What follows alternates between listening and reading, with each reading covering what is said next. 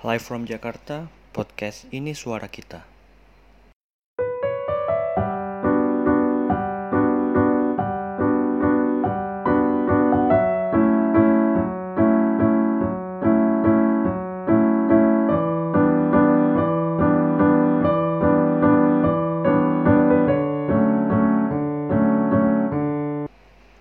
Hai semuanya, gimana kabarnya? Hmm, by the way, gue bikin ini di hari Senin malam, di mana energi gue belum terlalu habis. So, sesuai judul yang udah gue kasih, bedanya kita dan mereka. Akhir-akhir ini, gue sering banget ngamatin orang-orang. Baik orang-orang di kampus, orang-orang di sosmed, orang-orang di kantor, ya di mana pun itulah. Tiba-tiba gue mikir gitu kayak, apa sih yang ngebedain kita dengan mereka? Lalu gue flashback sedikit, dari kecil sampai sekarang, dari kita zaman SD sampai sekarang, gue selalu lihat manusia itu ada tiga jenisnya. Yang pertama, manusia yang slow parah. Yang kedua, manusia yang ambis parah. Yang ketiga, ada di tengah-tengah nih. Agak ngambang, ya slow enggak, ambis juga enggak.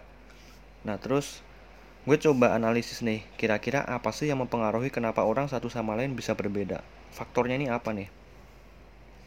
Pertama, orang yang ambis parah. Hmm, sebelumnya gue nggak mau ngejat sih kalau ini benar atau salah, soalnya yang selalu gue pegang, yang selalu gue percaya itu benar atau salah itu masalah perspektif aja, masalah sudut pandang aja gitu. Lu perhatiin gak sih dari kita zaman SD sampai kuliah itu selalu ada anak yang ambis di bidang tertentu, selalu ada anak yang konsisten ya mungkin di ranking sekitar tiga besar bahkan kalau saking konsistennya nih ada yang dari zaman SD sampai kuliah dia selalu perfect dalam hal akademik gitu.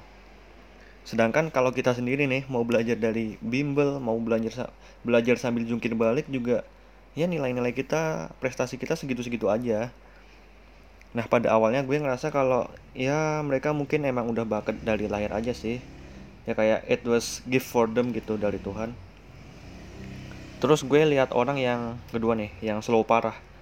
Nah orang yang kayak gini nih mau dia ada tugas mau dia ada beban mau dia kena bencana alam mungkin dia tetap bakalan menghadapi itu dengan santai dengan slow bahkan sambil ketawa-ketawa gitu.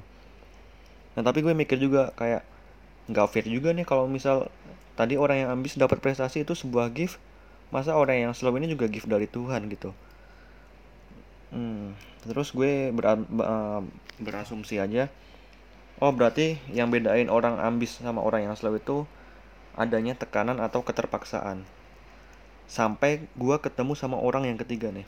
Orang yang abu-abu atau orang yang ada di tengah. Ya dibilang slow enggak dibilang ambis juga enggak gitu. Ya atau keba atau kebalikannya sih bisa juga.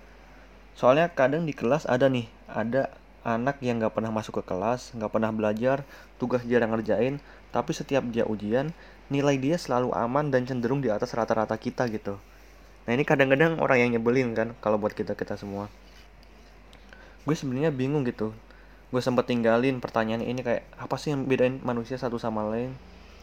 Ya tapi seiring berjalannya waktu gue banyak nambah referensi banyak nambah pengalaman banyak dengar podcast dan banyak baca buku juga lumayan.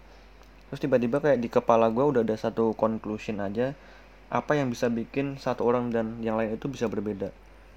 Gue menyimpulkan uh, mungkin garis besarnya aja ada dua hal.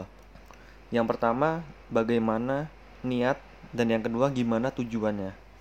So my conclusion is niat dan tujuan. Uh, background gue anak sosum gue SMA IPS kuliah juga ambil di jurusan manajemen.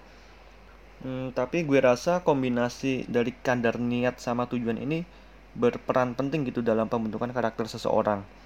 Nah, masalahnya tinggal gimana setiap orang tuh cari ya racikan yang pas gitu buat mereka masing-masing.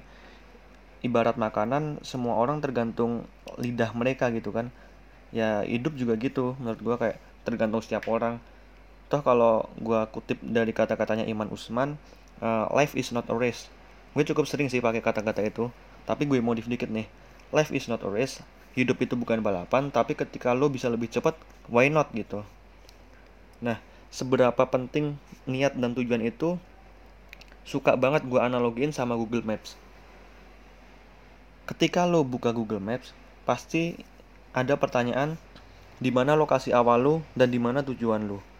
Nah, ketika lu udah punya dua unsur itu baru nanti lu bisa milih rute lu mau lewat mana, kendaraan lu mau pakai apa, perjalanannya berapa lama.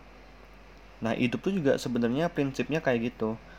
Kalau lu tahu niat lu mau apa atau ya posisi lu sekarang ada di mana gitu lokasi awal, lu tahu tujuan lu mau ke mana, sebenarnya lu bakal bisa lebih enak untuk nentuin, oh gua mau ambil di jalan ini nih, oh ternyata di jalan ini butuh waktu segini nih. Nah, tapi kadang orang-orang melihat hal itu tadi yang gue analogiin jadi Google Maps itu sebagai kata ambis. Nah, gue setuju nih kalau emang di Indonesia tuh ada beberapa kata yang overuse gitu kayak ya misalnya ambis, passion, introvert, depressed. Ya sering banget gitu jadi salah konteksnya atau dimaknai secara berlebihan karena sering digunakan. So, balik lagi ke problem yang tadi, sering kali tuh orang udah nentuin tujuan tapi nggak tahu lokasi dia ada di mana.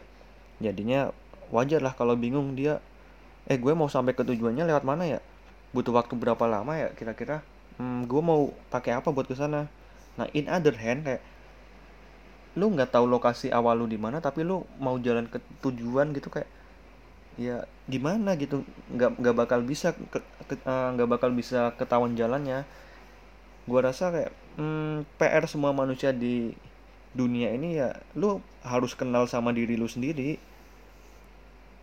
Ya emang itu sebenarnya nggak gampang dan gue rasa semua anak muda sekarang mayoritas punya masalah sama itu sih.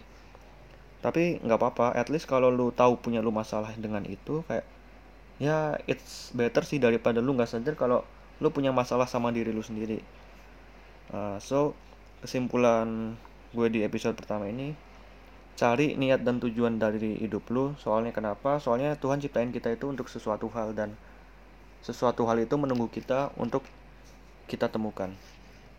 So, uh, mungkin segitu aja. Thank you. See you in next episode and goodbye.